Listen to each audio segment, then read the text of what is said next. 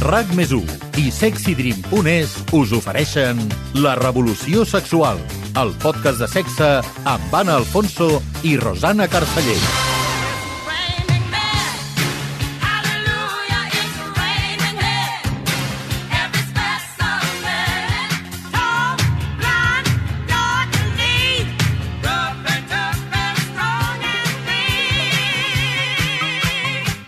Escena de la sèrie You de Netflix. Quarta temporada, capítol 2. El protagonista, el Joe, obre una porta i se sorprèn quan veu la pràctica sexual que està a punt de fer un altre personatge, l'Adam.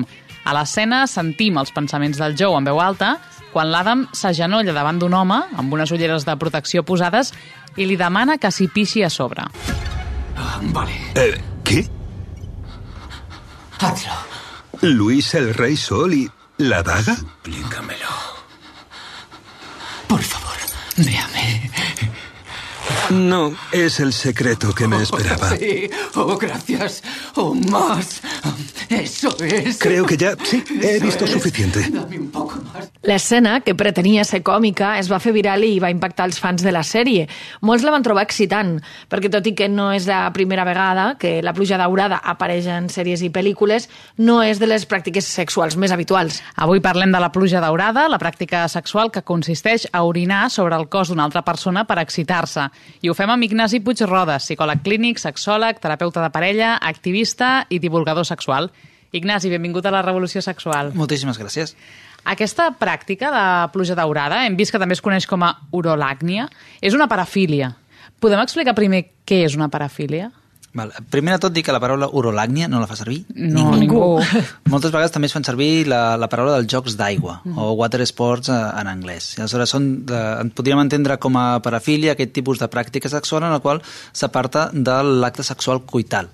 Si t'hi pares a, a pensar, fins i tot el sexe oral podríem considerar que és una parafília, perquè justament és allò de com si l'únic sexe interessant fos el que anés cap a la penetració o penis-vagina, i tot el que no sigui això és, és ja estrany. És parafília, per tant, tot el que no és penetració. Sí, sí, sí, sí, sí, sí. Que, que tu tinguis ganes d'estar llepant els mugrons de la teva parella, com que no porta cap a la penetració, ja és una parafília. Perquè, perquè potser hauríem de començar a replantejar-nos aquest terme. Mhm. I per què en aquest cas, en el cas d'aquesta parafília, si és que és això, eh, pot ser excitant l'orina, per exemple? Com s'explica que pugui provocar plaer, una cosa que per a altres persones doncs, genera molt rebuig o fins i tot fàstic? En aquest cas hauríem de començar-nos a ficar en el camp dels, dels fetichismes, és a dir, nosaltres li atribuïm a un objecte, en aquest cas a un líquid, una atribució que potser no té. Aleshores, si per aquella persona aquesta orina té una càrrega simbòlica, i aquesta càrrega simbòlica li és excitant, aleshores l'acte de doncs, pixar-se sobre una persona o de veure l'orina o que li obliguin a, a, a contenir la seva pròpia orina pot ser un acte que li pot ser terriblement excitant. I és una pràctica que de bon inici acostuma a generar rebuig? Perquè en aquesta escena que hem sentit de You, uh, buscaven com fer mofa del personatge que estava fent això. Clar, justament el, el fet de pixar sembla que sigui una, una excreció d'un residu del cos, no? De, de com has de voler que una cosa que és una excreció, la- l'orina, la fenta, les escopinades, els vòmits, pugui ser una cosa que sigui agradable. Clar, aleshores hi ha per algunes persones que diu ostres, potser, potser això sí que serà desagradable a primer terme, però si a mi, torno al que, deia abans, no? si dic aquesta càrrega, sí que pot ser excitant. Però clar, per una persona que la qual tu vulguis compartir això, la primera reacció és, uf, no, que això és brut, això ha de ser estrany, llavors és, és dolent, perquè és un residu. Per l'experiència que tu tens a consulta com a sexòleg, Ignasi, tu creus que hi ha molta més gent que la pràctica de, de la gent que ho diu? Hi ha poca gent que en parli. Sigui, vaig fer un estudi ara fa uns anys sobre pràctiques sexuals i dins del món de la comunitat BDSM i justament els, la, els jocs d'aigua o la, la pluja daurada i la coprofília eren dels que quedaven més apartats. És a dir, perquè se'n tenen bastanta mala premsa fins i tot de dins del col·lectiu de, de persones amb pràctiques sexuals eh, divergents com pot ser la gent del BDSM. Coprofília El tema de jugar amb la femta. Eren les que, són, les que estan més mal vistes, diguem. Són de les que estan més mal vistes. Bastant més la, el tema de la, de la coprofília que no pas la pluja daurada. I pot ser precisament això que el fet que generi rebuig a tanta gent n'exciti d'altra? També pot ser. Vull dir, una cosa interessant a la sexualitat és que tants caps, tants barrets. Si sempre trobaràs alguna persona que el fet de que per altra gent allò sigui estrany és el que li genera més morbo. Pluja daurada implicaria que se't pixin a sobre o que se't pixin a la cara o, o que se't pixin a dins la boca? Tot, tot, tot és eh, pluja daurada? Segons cada persona. Vull dir, cada persona tindrà, altre cop, tornem al la càrrega simbòlica. És a dir, els símbols no són una cosa estàndard de que tothom vegi els símbols igual, sinó que cada persona veurà aquests símbols d'una manera diferent. Per alguna persona, el fet de que sigui a la boca és excitant, però si li pixes a l'orella està malament. Una altra persona necessitarà el fet de que sigui més refinat és que algú pixi que ell no ho vegi i que estigui a dins d'un got i que després s'ho pugui veure. Altres persones preferiran el fet que està justament en una dutxa i que sigui la cosa més salvatge possible. Cada persona ho voldrà executar de la seva manera. I suposo que també hi ha el plaer de qui... Hi deu haver persones que tenen el plaer quan orinen i altres que tenen el plaer quan reben l'orina, no? Correcte. També aleshores aquí entrem en l'acte en si. És a dir, moltes vegades és aquesta dinàmica de jocs de rol entre les diferents persones el que farà que per a algunes persones allò sigui excitant, perquè pot, aleshores entraríem a dins de les dinàmiques de poder. És a dir, el fet de que jo t'estigui pixant a tu a sobre o que a mi algú se'm pixi a sobre és un acte de dominació o de submissió respecte a aquesta persona. Seria una pràctica de dominació o de submissió, la pluja daurada. S'utilitza, s'utilitza dins aquest àmbit. I si mai ho hem fet, eh, però ens crida l'atenció, com recomanes començar? On, per exemple? On recomano començar? A un lloc que sigui fàcilment netejable. Clar. Vale, tinguem en compte de que si tenim a casa un parquet i aleshores si allò se'ns fa malbé, si tirem massa aigua, doncs potser no seria més agradable. O si, per exemple, no sabem si allò ens generarà un fàstic o no, una de les dinàmiques és, per exemple, quan estiguem fent una dutxa en parella i comencem a dins de la dutxa, doncs el fet aquest de, de dir, bueno, doncs ara anem a jugar una miqueta amb l'orina, que si em fa fàstic al mateix instant que està caient aigua, ja m'ho trec de sobre. Que no, dic, ostres, això està prou interessant, doncs anem una miqueta un pas més. M'agrada a mi dir la frase de més val quedar-se curt i tenir ganes de tornar a provar que no pas haver-se passat de frenada i no voler tornar a provar mai més. Això serveix en moltes pràctiques? En moltes, en moltes. Eh, I una vegada més suposo que la comunicació en parella és important. Si un dels dos té ganes de practicar-ho, però clar, no s'atreveix, no? com sempre passa, no? Uh -huh. Tantes vegades ho hem comentat al podcast.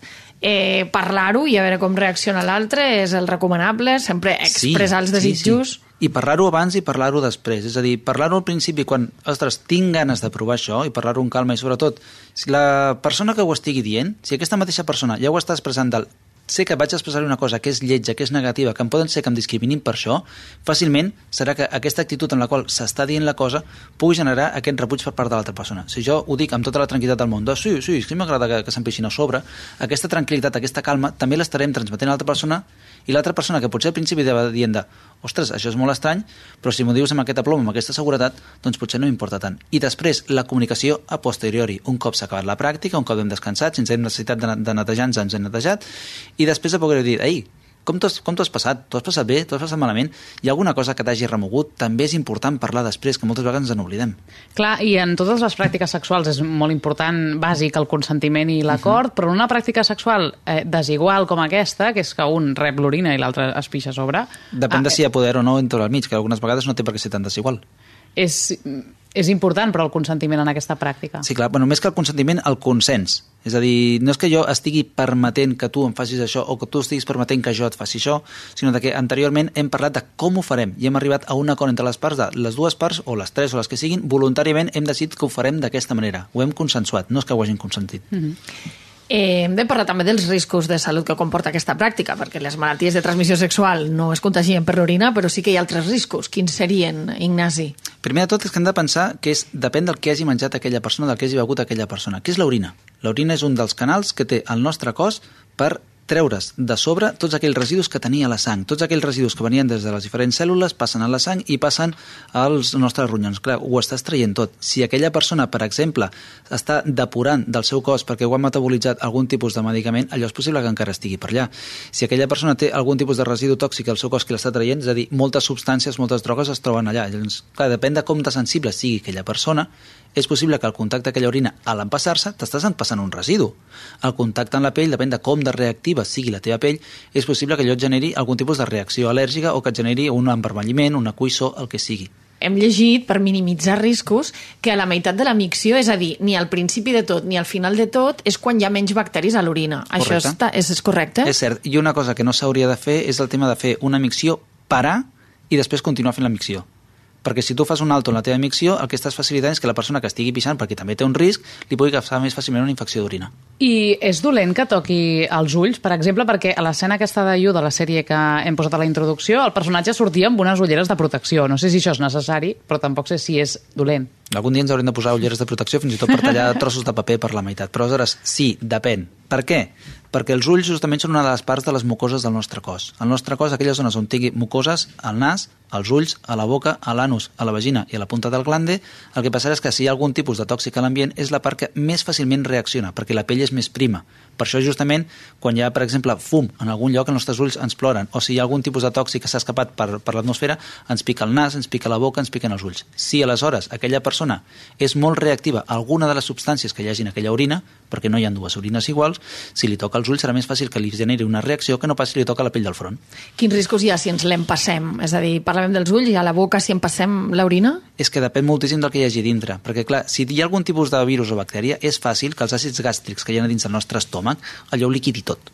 Vale? És a dir, hi ha molts dels, dels bacteris que vull dir, el menjar que ens mengem, no sé que estiguem desinfectant el lleixiu com quan estàvem en plena pandèmia, està carregat de virus i bacteris a la seva superfície, però a l'arribar a l'estómac ho mata. Ara bé, que l'estómac els àcids gàstrics estiguin matant aquests virus i bactèries no significa que els mati tots i no significa que no hi hagi tòxic en aquella orina perquè estaven a dins d'aquella persona que els ha excretat que aleshores t'estiguin entrant en el teu sistema. Llavors, clar, has de tornar a treure aquests tòxics. Si el teu cos està acostumat a tenir aquests tòxics, cap problema. Sí, però si és un tòxic el teu cos no l'ha vist mai, clar, és allò de, ostres, com actuarà el cos? Vés a saber.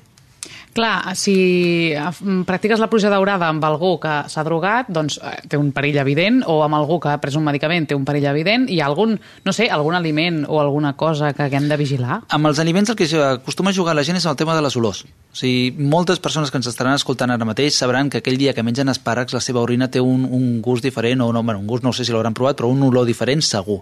Aleshores, clar, si jo estic jugant amb el fet m'he menjat marisc, he menjat espàrrecs, he menjat depèn de quin tipus de, de productes que em facin miccionar més, és a dir, agafo una cervesa, agafo una, una quiseta, una, una infusió de cua de cavall, això farà que la meva micció sigui molt diferent. I aleshores es poden jugar amb aquestes olors, amb aquesta terbolesa. I pots fer coses com ara beure molta aigua abans de la pràctica? Sí, sí, sí, sí, sí això es pot fer. Més, també és d'un punt a favor, que és que si tu estàs bevent molta aigua, el que estàs fent és que el teu, la teva orina no està tan concentrada. Per tant, aquella quantitat de tòxics que puguin haver a aquella orina, si després allò arriba a alguna part que arriba a entrar dins del teu organisme i genera algun tipus d'intoxicació, serà més fàcil que si la concentració és baixa, el risc sigui menor. Per cert que l'orina té alguns components com l'urea, que diuen que va bé per la pell, sí. tipus cremes que es fan com l'ureadina amb urea, eh, potser és fins i tot bo per la pell en algun moment que t'arribi aquesta orina? Una cosa és la pell i l'altra cosa són altres parts del cos. Clar. Jo, per exemple, diria que mon pare sempre m'explicava que ell va fer la, la mínica, la, bueno, la mili con les, les que la feien a Talarn, que clar, moltes vegades amb el fred que tenien es pixaven a les mans. Sí. Perquè la manera de tenir les mans una miqueta més calentes. I que les mans deien, de, ostres, em queda una miqueta més suau, tot i que no sé quina necessitat té un militar de tenir les mans suaus. I hi ha llocs específics on es pugui fer, locals, per exemple? Sí, hi ha diferents locals, sobretot és més habitual en locals d'homes que tenen sexe amb altres homes, vale? perquè hi ha una filia bastant més accentuada en aquest col·lectiu, per tant sí que hi ha locals com per exemple és el Berlín Dark aquí a Barcelona, en el qual tenen una zona d'aigües, però després hi ha moltes masmorres privades que es poden llogar per hores, per exemple la gent del clandestino, que ja les seves diferents masmorres ja tenen una zona específica també per jugar per aigües amb dutxes descomunals que hi poden cabre fins a sis persones. Dutxes de sis persones per practicar com la pujada daurada doncs, en grup, no? El, o si volen fer pujada daurada o el que vulguin fer sí. que necessitin una dutxa o un espai que tingui una bornal al terra. I per què has dit que és una pràctica més comuna amb homes que tenen sexe amb homes? No sé per què és més comuna, però estadísticament pues, sí, hi ha més persones que la, que la practiquin. Tu recomanes, per exemple, amb la pluja daurada tenir una paraula de seguretat, com amb altres pràctiques de submissió, per dir, bueno... bueno és que no només en pràctiques de submissió, és a dir, en qualsevol situació és ideal tenir una paraula de seguretat. Fins i tot si estàs fent el sexe coital més normatiu del món, tenir algun tipus de paraula de para, si us plau, no sigui cas que aquell para, para, para s'interpreti d'una manera diferent, sempre és útil, sempre. O sigui, acordar que el para, si us plau, no és para, para, m'estic excitant, però t'ho estic dient d'una altra manera, sinó que el no és no, no, no para és para. Que quan dues persones estan jugant molt sovint, d'aquí diem, escolta, mira, si algun dia fem alguna cosa, qualsevol tipus de pràctica i no m'agrada, doncs diré extintor.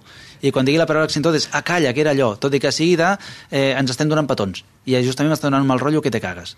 Doncs pugui dir que en el cas de que dius, ostres, pues, eh, podem tenir altres vies de comunicació que no ens ha estat útil o no ens ha estat necessari treure aquesta paraula de seguretat, vale, perfecte. Però si un cas, allà la teniu, però s'ha de fer servir. Que això pel consentiment seria molt adequat, perquè moltes vegades hi ha confusió, no? També depèn en quina situació estàs sexual o què has pres, pot haver molta confusió. Per tant, aquesta paraula de seguretat, que crec que és una cosa que tampoc es fa servir tant, si no són pràctiques de, de submissió, com dèiem. Justament, i hi, ha una, hi havia una, una... Sembla que era una marca anglesa que es dedicava a fer samarretes així jocoses dins del, bueno, per, per fer-ho dins del món del BDSM i de més, i hi havia una samarreta que posava no significa més fort. Clar, llavors, si saps que això pot ser que passi, almenys quan dins, dins d'aquests entorns BDSM o, o kinkis en els quals hi ha un component de, de que està jugant amb aquesta negació, que està jugant amb l'oposició, però aquesta oposició vol dir no, que per tant els missatges no són clars, doncs clar, sempre que un missatge pugui no ser fàcilment interpretable, és bo tenir una altra via de canal de, de comunicació. I això és una cosa que sempre preguntem, però sobretot en, en pràctiques d'aquest tipus, que potser molta gent no ha fet, eh, com recomanes eh, plantejar-ho a la teva parella si tu ho vols fer però et fa vergonya o no saps com s'ho prendrà? Una dinàmica ideal és fer-ho a través del joc. Perquè en el joc sempre ens relaxem, ens estem passant bé, riem, veiem que no és una cosa tan terriblement transcendental de no, avui tindrem una reunió i parlarem de quines són les pràctiques sexuals que ens agraden. Que qui ho vulgui fer, perfecte, és molt divertit. Jo també recomano tenir aquestes reunions. Però el fet de fer-ho a través d'un joc, de, jo que sé, del... Què fan els adolescents quan parlen de sexe? Juguen al Jo Mai Mai, al lloc de, de Besa o Prenda, eh, hi, ha, hi ha un joc que es diu el joc dels insults, que també serveixen per aquestes coses, que permeten començar a tenir una, una dinàmica de comunicació de estem parlant de sexe. Ostres, doncs ja que estem parlant de sexe, aleshores aprofito i trec aquest tema. I com que és un entorn que és més lúdic, que és més distès, serà fàcil que l'altra persona que digui ai, ostres, m'has parlat d'això? No tenia que tal cosa. I es, es pot tenir la conversa i si veiem que hi ha aquesta part d'interès o que allò hi ha una bona recepció, pues veiem que podem continuar. Que no, pues, també podem dir, ostres, doncs mira, pues això era una cosa que a mi m'interessava, però si ves que no, no t'agrada, doncs cap problema, no tenim per què estar obligades obligades a, a fer res en concret. Per cert, eh, és fàcil que es confongui un squirt d'una dona amb una eh, mica de pluja daurada, perquè hi ha moltes dones que expliquen que amb el seu primer squirt van pensar m'estic pixant i l'altre s'està pensant que m'estic pixant a sobre, per exemple. I clar, és diferent. I és tan bèstia la confusió social que hi ha respecte a això que històricament s'ha estat culpabilitzant a les dones que feien squirt de t'has pixat a sobre. Tan bèstia és que va haver un, un investigador txec que va fer, me'n recordo que això vaig fer un congrés a, a Praga, i deia que havia agafat eh, analítiques de flux vaginal, de de lubricació vaginal, d'orina, d'esquirt, i va veure, orgànicament són diferents. I va dir, és, i, que això no va ser fins al 2016, és a dir, no, ha hagut, no hi ha hagut ningú que s'hagi encarregat de fer una, una anàlisi tan simple com això fins al 2016 per dir, no, la gent que té squirt no s'està pixant a sobre, i la gent que s'està pixant a sobre no està fent un squirt. Eh, per explicar-ho, perquè el, les dones que tinguin squirts els quedi clar, que, com es diferencia? És a dir, mm, com és un squirt i com és una, una orina, no? És a dir, és molta més quantitat l'orina que no pas l'esquirt, o quina textura i quina olor o tenen? Per quantitat, no, perquè dependrà molt. Hi ha algunes persones que dins del seu squirt, les glàndules d'esquene, que són capaces de fer aquest squirt, poden treure quasi fins a mig litre o més. És a dir, per tant, moltes vegades per quantitat pot semblar que tant sigui una cosa com l'altra. Tampoc per la densitat del fluid, tampoc, perquè són bastant similars. La qüestió és el color i l'olor. I també, altre cop, depèn del que aquella persona hagi menjat. Clar, si una persona porta molta estona bevent aigua, és possible que aleshores no sembli que allò sigui orina. I la sensació de la dona quan el té també, no? Perquè té, és clara la sensació de que o estàs orinant o estàs tenint un squirt. Aquí, evidentment. Després hi ha algunes persones que els hi passa que quan s'estan excitant, les persones que tenen vulva, en aquell acte de penetració vaginal, és possible que aleshores la seva bufeta de l'orina estigui sent pressionada. Aleshores tenen aquesta sensació de m'estic pixant, però no perquè estigui pixant perquè realment tingui ganes de pixar-se, sinó perquè se li està oprimint aquella bufeta. Llavors, clar, si això es mescla amb que després les seves glàndules d'esquena deixen anar aquest squirt, poden tenir aquesta confusió de eh, com que m'estava pixant i després ha passat això, és que en veritat no és un squirt, és que m'he pixat a sobre. I pot ser que estiguis tan excitat que no et puguis pixar a sobre si ho intentes? És que justament hi ha un mecanisme del nostre cos que prevent que passin aquestes coses. És a dir, en el cas de les persones amb penis es, es veu més, perquè el canal que baixa des de la bufeta i el canal que puja dels testicles arriba un punt en què s'ajunten per sortir per l'únic canal que va per, per mig del penis. Què passa? Que el nostre cos, que és prou savi, diu, ostres, si aquesta persona ha d'ejacular, no m'interessa que estigui tirant orina, però qual cosa bloqueja. Quan una persona està molt excitada i el canal està preparat perquè en algun moment surti l'esperma, no permet que surti l'orina. En les persones que tenen vulva també els hi passa, clar, no comparteixen el mateix canal, però pel punt aquest de que la sortida de l'ureta està tan a prop de l'entrada de la vagina, també hi ha aquesta situació en la qual, quan hi ha un gran nivell d'excitació, aleshores es bloqueja el reflexe de poder pixar. Per això algunes persones, després d'haver tingut una gran erecció, o, per exemple, després d'haver ejaculat, quan van al lavabo a pixar, els hi costa moltíssim. I aquest és un punt, de, si us plau, aquestes persones que estiguin practicant, si veuen que els està costant, que tinguin paciència. És a dir, no és fàcil el fet de dir, ah, doncs jo em posaré a pixar en qualsevol instant. Molta gent que té bufeta tímida, per exemple. Però en, en aquest cas en concret, és a dir, si aquella persona té una gran excitació i veu que li costa, que no es forci perquè si no que es pot generar una mena de, de punt de, de, de tallada de rotllo dins de l'acte sexual perquè estem intentant, ara no em surt, espera, no em miris i pots ja tallar, tallar completament del clímax de la situació. I què has de fer en aquest cas? Tenir paciència, esperar-te? Tenir paciència i si veus que aquella pràctica en aquell instant no està sortint, canvia de pràctica, no t'hi bloquegis, no t'hi obsessionis perquè no serveix de res. Bufeta tímida és una terminologia que es fa servir en la sexualitat o en qualsevol... És en urologia. La bufeta tímida és aquelles persones que tenen una situació de vergonya tan bèstia respecte a que les vegin miccionar que quan han de, han de miccionar necessiten que hi hagi una situació de calma, de tranquil·litat i d'intimitat per la qual cosa, si hi ha alguna persona al costat, no poden pixar. Si algú els està mirant, ni que sigui aquella parella sexual en la qual tenen molta confiança, és possible que es bloquegin.